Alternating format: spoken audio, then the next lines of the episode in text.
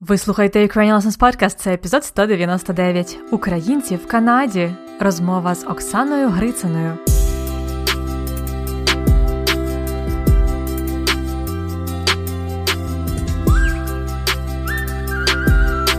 Привіт! Це Анна Огойко і 199-й епізод подкасту Уроки української. Передостанній епізод п'ятого сезону і останній епізод серії інтерв'ю з українцями в різних країнах світу. У попередніх епізодах мені вдалося поспілкуватися з українцями різних поколінь з зовсім різних куточків світу. Це була Аргентина, Шотландія, Японія, Пар, США, Австралія, Нова Зеландія і сьогодні, нарешті, Канада, де живе дуже багато українців різних поколінь. Ідея цієї серії була в тому, щоб показати вам, що Україна це не тільки Україна, а і різні спільноти українців по всьому світу. Вони теж є важливою частиною України і дуже великою частиною. Наприклад, в Канаді живе десь 2,5 мільйони людей, які називають себе українцями. І сьогодні ви послухаєте розмову з Оксаною Грициною, яка народилась в Канаді, але є справжньою українкою, якщо можна так сказати. Тож, якщо ви готові, перейдімо до інтерв'ю. Останньому епізоді серії з українцями по всьому світу ми нарешті вітаємо гостю з Канади. Її звати Оксана Грицина, її походження українське, але Оксана народилася і виросла в Канаді. Хоча вона чудово, вільно спілкується українською і, як я розумію, цікавиться всім українським. Привіт, Оксано! Рада тебе вітати на подкасті. Добрий день! Привіт-привіт. Розкажи, будь ласка, трошки про себе для початку. Добрий день, ще раз привіт. Мене звати Оксана Грицина. Я проживаю зараз в Торонті, в Канаді, і займаюся е, з педагогічними освітами. То я працюю в середній школі, викладаю французьку мову вже 10 років. Але спочатку почала свої викладацькі е, викладачну е, кар'єру у Львові працювала в УКУ ага. половиною року і пережила, як то, що то означає жити в Україні і заробляти гривні, а, а потім вже вирішила переїхати знову в Канаду. Так, тобто ти бувала в Україні і працювала там, але народилася в Канаді. Так, розкажи більше про своє походження. Так, народилася в Канаді через те, що а, мої ем, бабця і дідо е, з татової сторони вирішили в 41-му році втікати вже з України mm-hmm. під час е, Другої світової війни. І так народжувалися по дорозі і в таборі для біженців в Австрії всі мої стріки. І тато народився в 45-му році в Австрії в таборі для біженців. І був великий вибір. Я пам'ятаю, як тато мені розказував, чи їхати в Аргентину, чи їхати в Америку, чи в Канаду. В Америці ми вже мали ем, родичі, які переїхали, але чомусь діду сказав: знаєш, є дуже велика кана... Е, українська громада в Торонті. Треба перше спочатку побачити, чи все вийде в, е, в Канаді. Якщо ні, переїдемо в Америку. І я до цих пір є дуже дуже вдячна, що вони вирішили в той момент поїхати в Канаду, бо я знаю, що як мене виховували. Як е, моє світогляд зараз дуже впливаним е, з цією громадою, яка тут існує, е, і також з канадськими е, принципами. Мої бабці і дід вони ніколи не е, зрозуміли, ніколи не вивчили англійську мову. Працювали, працювали. Дід став дід став ем, священником греко-католицьким, мав парафію в Торонті е, понад 30 років. Тато мій пізно одружився з мамою, яка має словацьке коріння, але виростала суто в українській громаді. Так само um, вони вирішили, що родина буде, наша родина буде українська. У нас возили щосуботи і щосереди до пластових занять української школи. Там ми е, дуже мали е, близькі коріння і близькі зв'язки е, з українцями. Я завжди мала такий світогляд, що були українці і були всі решта. Три-чотири рази в тиждень ми мали якісь українські заняття, якісь ми ходили до церкви, ми мали пласт, ми мали українську школу. Е, в дитинстві в дитинстві ми ходили до, до хору, до танців. Як ми виростали, це було дуже українське. І часто зустрічали людей, які не були українці, і вони на мене дивилися і кажуть, о, Оксана, то дуже таке цікаве ім'я. Russian, російське чи українське? Я кажу, це найбільш типове ім'я можна отримати. Так це українське. І е, кажу, а, ти така дуже така фанатка своєї культури. Я кажу, ні, ні, це просто це є хто я є. Це є це є дуже велика частина моєї ідент... мій ідентичність. Дуже цікаво, тому що в Україні ми, мабуть, також маємо таке уявлення про українську діаспору в Канаді як найактивнішу, таку найдружнішу. І твої так. слова якраз підтверджують е, це, це, це уявлення. І ми всі знаємо, що так в Канаді українці надзвичайно активні. Чи можеш ще ще розказати більше, в чому проявляється оцей такий? Як ти сказала, особливий світогляд, який у тебе сформувався завдяки тому, що ти виросла в українському оточенні в Канаді? Я є за фахом історик. Mm-hmm. Я вивчила дуже добру нашу українську історію, як українці сюди переїхали, переїжджали, і з чого вони втікали, і чому вони хотіли особливо тут розпочати їхнє життя. З самого самого початку, в 1891 році, сюди їздили, бо канадський уряд дуже хотіли заселяти захід і казали: 300 гектарів ми вам дамо задармо, але ви мусите в перший рік 30 гектарів вже посадити, вже е, створити ферму. І українці сюди їздили і мали нічого, мали одяг на своїх плечах і все. То раптово від того скупчені українці створювали дуже дуже тісні селища і громади, і це розуміння, що ми є одні, і ми мусимо на один одного залежувати. І якщо в тебе є трактор, чи в тебе є знаряддя, ми можемо разом збудувати церкву. Це є центр нашої громади, і від того ми вже будемо будувати свої будинки. Ми можемо один одного годувати. Від того що українці вже мали допомогу свою рідну, вони могли і швидше вже стати на свої ноги, швидше вже займати такі вищі посади в нашій суспільстві. Тепер ми маємо українці, які політики, які працюють у, у, у дуже великих фірмах. Тут є дуже ще таке поняття, що ми є українці, ми є сильна громада.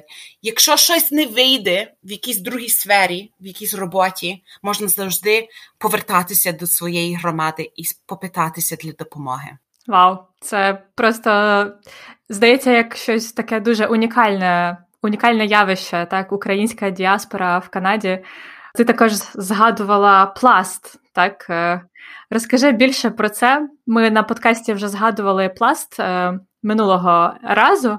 Ми говорили про австралійський пласт з попереднім гостем. І сьогодні хочу почути твою історію про те, як розвивається і що таке ще раз розкажи нам пласт Канаді. Мої батьки дуже вирішили, вони кажуть, вони собі вирішили, треба записати своїх дітей до наших дітей до пласту, щоб вони дотрималися до мови і мали також а, друзів, життєвих таких друзів. То я з дитинства ходила щосуботи, десь до 13 років, від 6 до 13 років кожної суботи після української школи, півтора години ми мали заняття. Я ще досі до цих пір говорю з тими, спілкуюся з тими дівчатами. Ми дуже тісні, близькі. Кожного літа ми їхали всюди по всяких таборах. Це мені дало нагоду, щоб з'їздити майже всю Канаду. З українцями, особливо зустрічатися з українцями в різних містах: в Едмонтон, в Калгарі, в Манітобу. І ще маю дуже е, всяких. Чудових пригод, чудових пам'ять пам'ятокських з наших таборах і і друзів по цілій Канаді. Тепер ми їздимо постійно на весілля, всякі весілля і забави. І і тоді з 13 до 18 років я була в юнацтві так само їздила по всяких таборах навіть в різних країнах, і тоді в 21 років вирішили, що треба з'їздити вже в Україну. Не буду тільки організувати, бути лідером в канадсько-української громади, а також хочу вже ділитися своїм знанням, своїми вміннями з українцями в Україні. І я почала в 20 років працювати для такої організації, називається Help Us Help. І ми плануємо ем, і організуємо е, табори. В англійській мові це називається Life Skill Workshop Camps, а це є такі табори, де це є базовані над ем, майстернями. Готуємо дітей, сиріт, особливо тільки сироти, і в останніх роках дітей біженців і дітей е, зі сірої зони, які до нас їздять. І це і діти з цілої України. Е, є дуже дуже багато сиріт в Україні, понад 100 тисяч. На даний момент 90% з них є діти, які є соціальні сироти, то це означає їхні батьки, чи є живі, чи вони мають якісь родичі. Ці діти заїжджають до нас в Карпатах. Ми маємо двотижневий табір. Я зустріла дітей з кожної області, і дуже багато суржику говорять. І завжди а, вони а, говорять по-русски, і трендять на російській мові. І я в 21 років до цих пір тільки спілкувалася старою галичанською, галицькою мовою, казала слова, так як шкарпетки і і пательня. Склеп, мабуть. Склеп, абсолютно. І вони такі склеп, і квадратними очима на мене дивилися, і я на них з квадратними очима, бо я не розумію російську. І вони взагалі були в шоці, що я українка, але не знаю російські слова. І це почався такий тренд кожного разу, що я їздила в Україну, що навіть провідник в поїзді, якщо вони кофі нужно чи щось таке, я на них дивлюся і вже принципово кажу: слухайте, моя родина не є звідси, і я розказую свою в 30 секунд я вже створила soundbite щоб вони зрозуміли, що я не розумію російську. Чудова стратегія для тих, хто вивчає тільки українську мову, підготувати мале, маленьке повідомлення, чому я говорю тільки українською. Так, як треба наклейку, я тільки говорю. В нас є магазини, що є наклейки, що а, е, працівник гов... спілкується українською, польською і російською. В нас ага. є. Ти згадала табір. Так, е, для дітей сиріт він зараз теж е, активний чи цей проект? Чи цей проект вже 25 років, але через uh, вірус ми зупиняли наші табори. Ми маємо офіс в Києві і офіс в Торонті. Переважно найбільше активні волонтери це є канадійські е, українці. А маємо також з, з Америки, з, з Данії, Швеції, Швейцарії, Франції, Німеччини і багато багато з України. Дуже дуже цікаво. Я обов'язково залишу посилання на на сайт, е, де можна дізнатися більше про ваш проект. Можливо, хтось захоче допомогти Абсолютно. вам чи фінансово, чи бути волонтером. Так, в Україні воно називається нове покоління в міжнародній сфері Help Us Help. Оксано, ти частенько буваєш в Україні, навіть е, працювала там. Які у тебе най... найцікавіші, можливо, кілька, тебе, мабуть, багато є спогадів, але які серед них є найцікавішими? Абсолютно з самого початку є ці табори. Після 13 років два рази в рік вести, організувати і, і очолювати ці табори. Це вже без слів. Я не можу навіть описати всі ті приємні а, спогади. Чудові діти існують в Україні.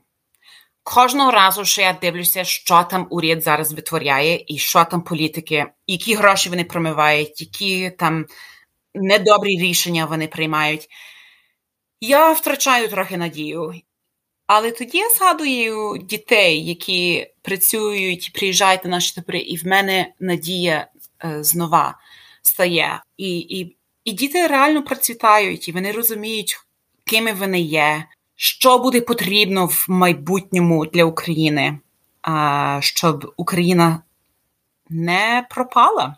Так сказати про найгарніших спогадів це є життя у Львові. Там є цивілізація, там є дуже чудова культура, потужна така кафейна культура, ресторанська така, що є панство.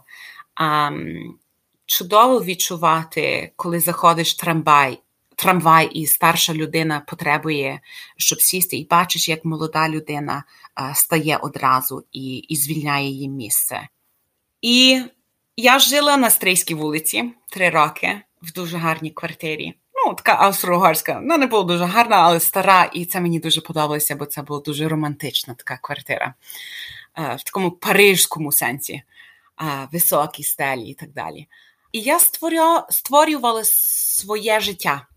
Я запрошувала всяких цікавих людей до себе кожного місяця. Кожен другий тиждень я мала е, гостила в себе ем, вечоринки, де я готувала весь стіл через те, що на Стрийській вулиці є дуже великий базар, я почала жити за сезонами. В Канаді ми завжди маємо всі продукти, і ціна дуже не сильно міняється. Але у Львові в Україні ціни дуже сильно міняються за сезонами, і я почала розуміти, а не можна мандаринки в літі купувати, тільки можна так на свята. І почала мати а, гарні розмови зі своїми продавцями. Я зрозуміла, в кого купляти сир, бо він найсвіжіший, а в кого купляти а, курку, а чи м'яско, і а, фрукти, і овочі, і так далі. І це розпочало дуже підпалило іскру, вогонь е, для своєї пристрасті для готування їжі. І я тепер займаюся кейтерингом на приватних е, ага. вечоринках в Канаді, навіть через те, що я дуже е, влюбилася в цю культуру, що треба купляти на базарі, все свіже і готувати. Я думаю, що українці дуже часто думають в Україні часто думають, що канадці ми всі живемо на пушках, на бутлях, на, на консерви, на те, що ми купляємо в магазинах. Я ніколи в житті не купляла картоплю, аж досі я не поїхала в Україну. Мої батьки завжди мали шалений город, навіть зараз займаються фермерством. Чисто екологічного продукту. Я переважно навіть не купляю овочі, це все є е, домашнє з дому. І тепер мені дуже вигідно стояти на кухні 12-14 годин і готувати, і пригощати людях, бо це є частина свого слов'янського духу. Я була на одній вечірці в перший рік, що я переїхала у Львів. Це було між пластунами. І пластун до мене підійшов і каже: Ти що, ти Оксана, та та та українське ім'я? А як то так? Люди не розуміють, як то так, що мати українське ім'я і не народи, не бути на, ем, з України. Кажуть, ну я українка. І кажу, Ти не українка, в тебе нема слов'янського духу. Е, як ти можеш себе називати українкою, якщо ти тут не народилася? Півроку пройшло, я я здружилася з такою людиною, бо я також вперта, і я хочу йому показати, що я є і хто я є, і, і як я настільки є українка. Приїхав до мене на одній вечірці шість, шість місяців пізніше. Він я вибачаюся перед тобою. Ти є українка, абсолютно в кожному сенсі, бо ти навіть знаєш більше, ніж ми.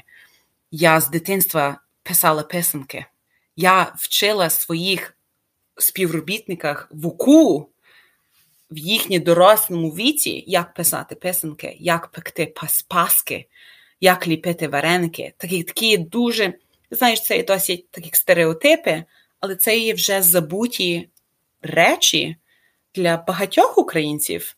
Тут дуже нормально в Канаді мати українське весілля три, три дня будувати браму мати розкуп, мати ті переговори тільки в українській. Так як моя родина вже розбавляється з водою. Мої е, двоєрідні сестри і брати одружилися з італійцями, з англійцями, з ким-небудь.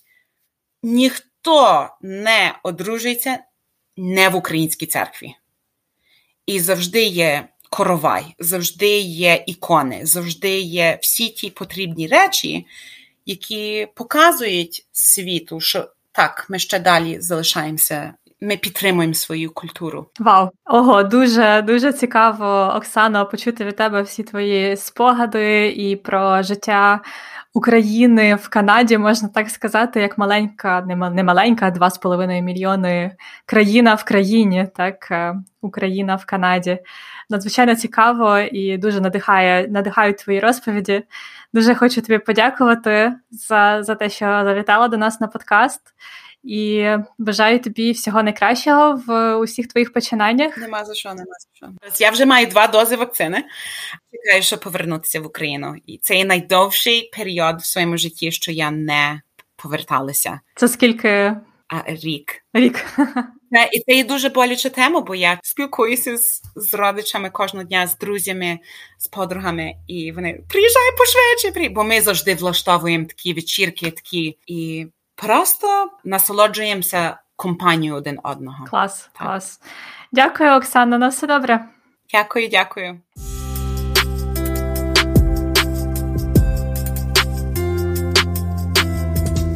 Ось і все. Остання розмова серії інтерв'ю. Сподіваюсь, вам було цікаво подорожувати світом з українцями.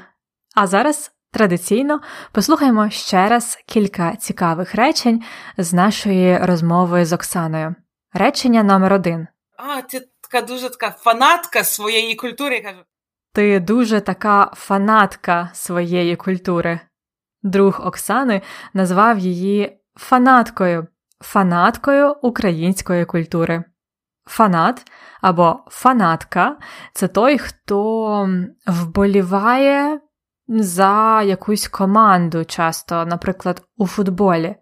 Але також це людина, яка щось дуже-дуже любить. Наприклад, я фанатка грузинської їжі. Це дуже смачно. Я фанатка грузинської їжі. А Оксана фанатка своєї культури, як е, сказав її друг. Ти дуже така фанатка своєї культури. Далі Оксана розповідала історію переїзду українців до Канади, наскільки вони допомагали одне одному і таким чином швидше влаштовувались. Вони могли і швидше вже стати на свої ноги, швидше вже займати такі вищі посади, вони могли швидше стати на свої ноги. Тобто вони швидше могли влаштувати, організувати своє життя, заробляти гроші, стати на свої ноги. Це такий чудовий фразологізм, який означає почати жити самостійно і заробляти собі на життя, стати на свої ноги. Повторіть, вони могли швидше стати на свої ноги. Далі Оксана розказувала про табір в Україні і свої перші враження про дітей в Україні. Там були діти, які говорили суржиком або російською мовою. І Оксана каже: а Вони а, говорять по-русски, і трендять на російській мові. Вони триндять на російській мові. Триндіти. Це сленг, це таке трошки вульгарне, неформальне слово. Воно означає говорити, балакати, але щось несерйозне, часто в негативному значенні. Вони триндять на російській мові або російською мовою. Триндіти. Дуже класно, як Оксана вживає такі сленгові слова. Повторіть ще раз вони триндять російською мовою. І далі вона каже: І вони такі склеп, і квадратними очима на мене дивилися, і я на них з квадратними очима, бо я не розумію російську. Вони квадратними очима на мене дивилися. Діти дивилися на неї квадратними очима. Такий смішний фразологізм, він дуже типовий і означає дивитися здивовано, не вірити, здивуватися. Вони дивились на неї квадратними очима. тому що вона зовсім не знала російської мови. Вони дивувались цьому. Повторіть, вони квадратними очима на мене дивилися.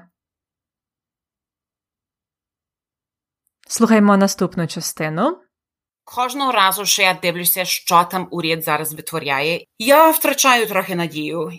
Коли я дивлюся, що там уряд зараз витворяє, я втрачаю надію, що уряд, тобто влада, Кабінет міністрів України та інші органи влади, уряд витворяє, витворяти, робити щось погане, щось ненормальне, навіть іноді не людське, погане, витворяти. Наприклад, ти поглянь, що він витворяє, тобто, що він робить, але щось негативне він робить, витворяє. Так от, коли Оксана дивиться, що там уряд зараз витворяє, вона втрачає надію. Надія, hope, надія, втрачати, втратити надію. Повторіть. Коли я дивлюся, що там уряд зараз витворяє, я втрачаю надію.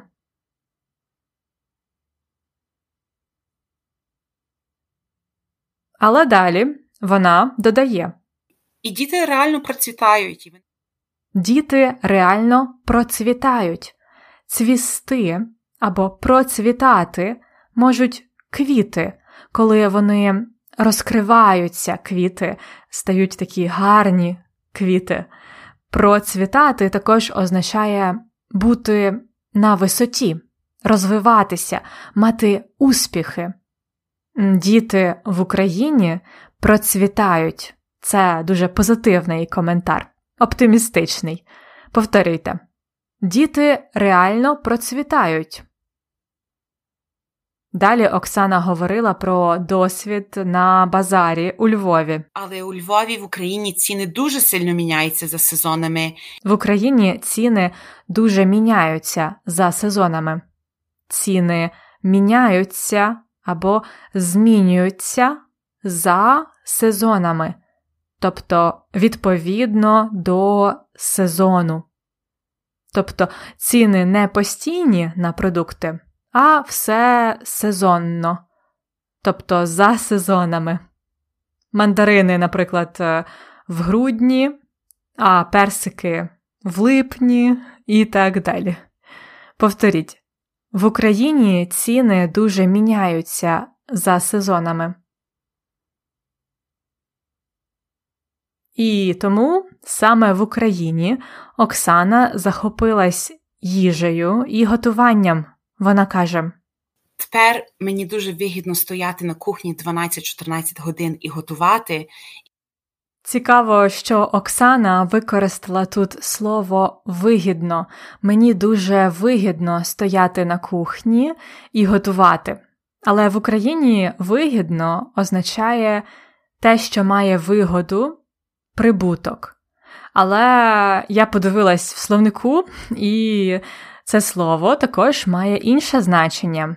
Вигідно, це приємно, але зараз, мабуть, в Україні це застаріле значення, а в Канаді його вживають.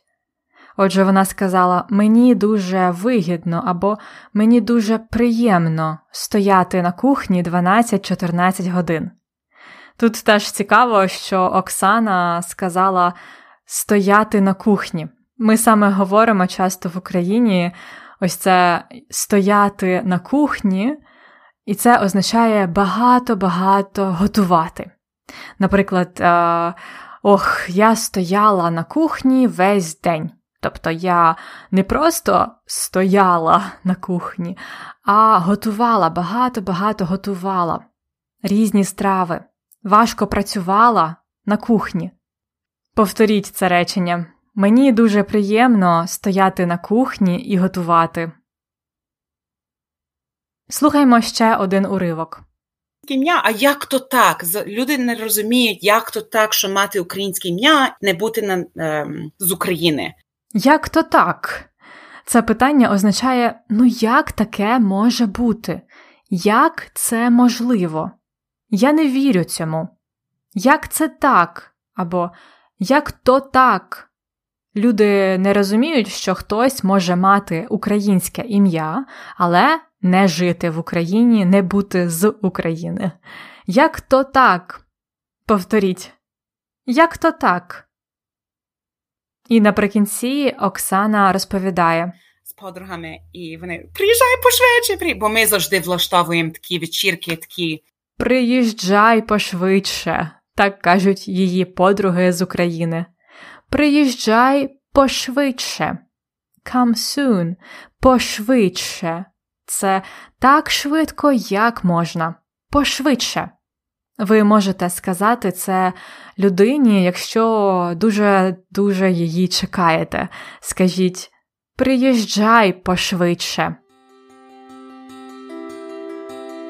І це був останній епізод серії інтерв'ю з українцями у світі. Нагадаю, що посилання на проекти Оксани, які допомагають дітям в Україні, ви можете знайти на сторінці епізоду ukrainianlessons.com риска епізод 199. А наступного разу останній епізод п'ятого сезону і останній епізод подкасту, ювілейний епізод 200. Ви просто не можете його пропустити. Це має бути сентиментально. Ну, а поки що. Транскрипт цього епізоду з перекладом і вправами ви можете знайти в конспекті уроку. Він доступний за преміум підпискою. Більше про преміум також є на сторінці ukrainianlessons.com episode 199. Бажаю вам успіхів! До наступного останнього епізоду. Па-па!